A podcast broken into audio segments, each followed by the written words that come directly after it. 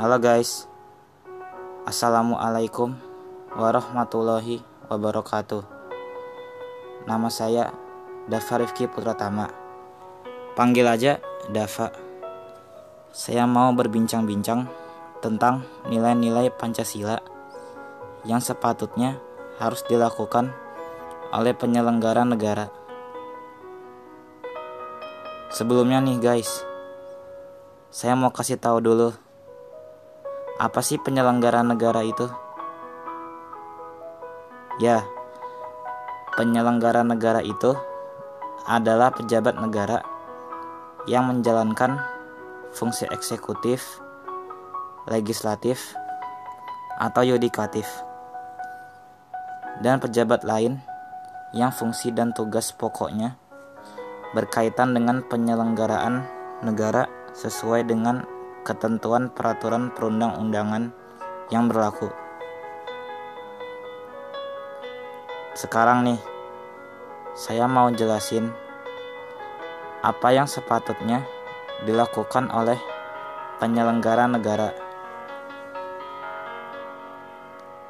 Pertama, sila pertama atau pokok pikiran keempat, yakni ketuhanan yang Maha Esa jadi, sesuai sila pertama, kita harus menaati perintah Tuhannya agama tersebut dan menjauhi larangannya. Lalu, sila kedua atau pokok pikiran keempat, yakni kemanusiaan yang adil dan beradab. Kita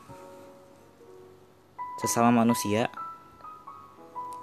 harus saling menghargai, menghormati, dan membantu satu sama lain.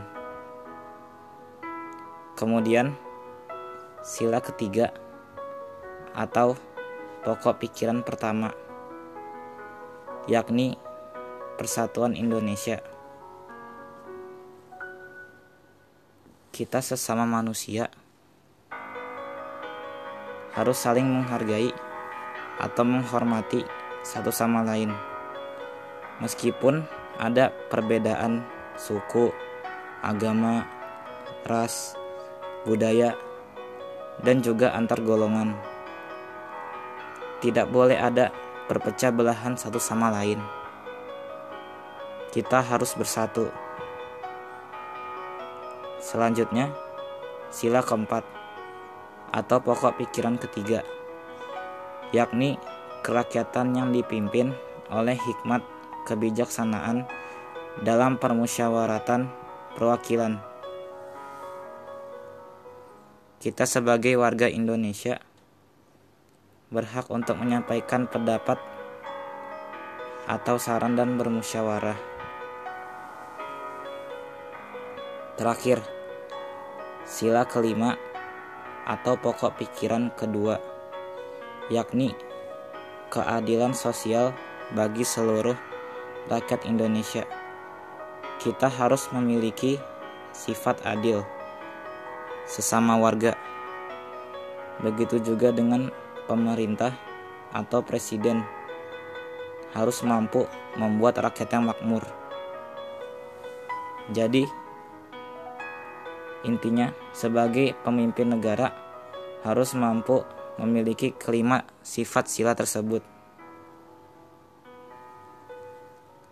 Itu saja yang bisa saya sampaikan. Wassalamualaikum warahmatullahi wabarakatuh.